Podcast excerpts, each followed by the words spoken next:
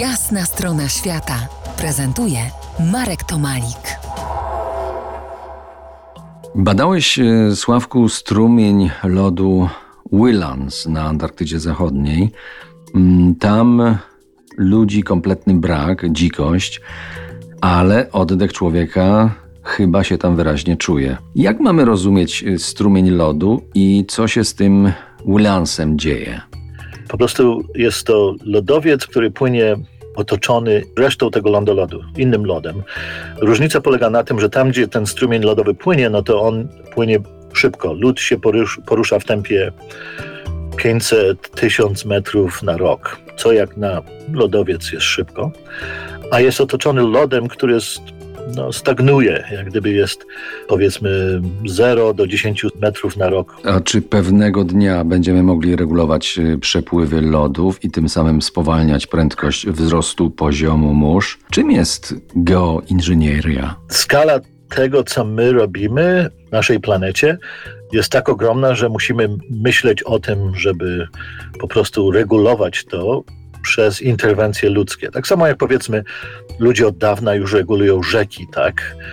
Tak samo moglibyśmy użyć tę wiedzę, którą glacjolodzy zebrali w ciągu ostatnich kilkudziesięciu lat, żeby na przykład spowolnić te strumienie lodowe, a które nie wrzucałyby, albo przynajmniej nie przyspieszyłyby tego tempa, w którym wrzucają te góry lodowe do oceanu. I to się może wydaje teraz takie bajkowe, nierealistyczne, no ale powiedzmy 100 lat temu nikt by sobie nie wyobraził tych struktur, które myśmy tam, które myśmy wybudowali na ogromnych rzekach.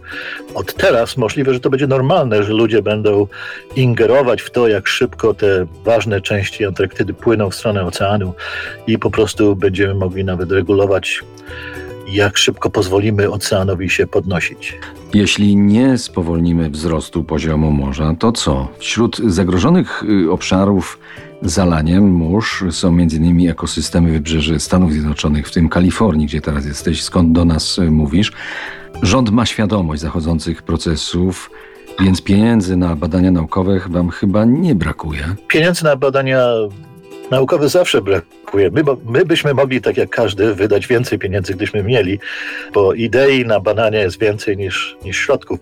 W tej chwili, co ja próbuję zrealizować, z innymi kolegami, to to, żeby zmienić jak gdyby metodę myślenia. Nie wyeliminować to, co dotąd robiliśmy, ale właśnie na tej wiedzy, którą zbudowaliśmy przez ostatnich kilkudziesięciu lat, żeby zacząć budować takie podejście, gdzie my możemy zacząć testować, czy rzeczywiście realistyczne jest to, że, że ludzie mogliby ingerować w tempo wymiany lodu pomiędzy lądolodem Antarktydy a, a oceanem, a, a także tempo podniesienia się poziomu morza. Za kilkanaście minut pozostaniemy w pytaniach o zmiany klimatu i nie opuścimy krainy jeszcze z lodem utkanych.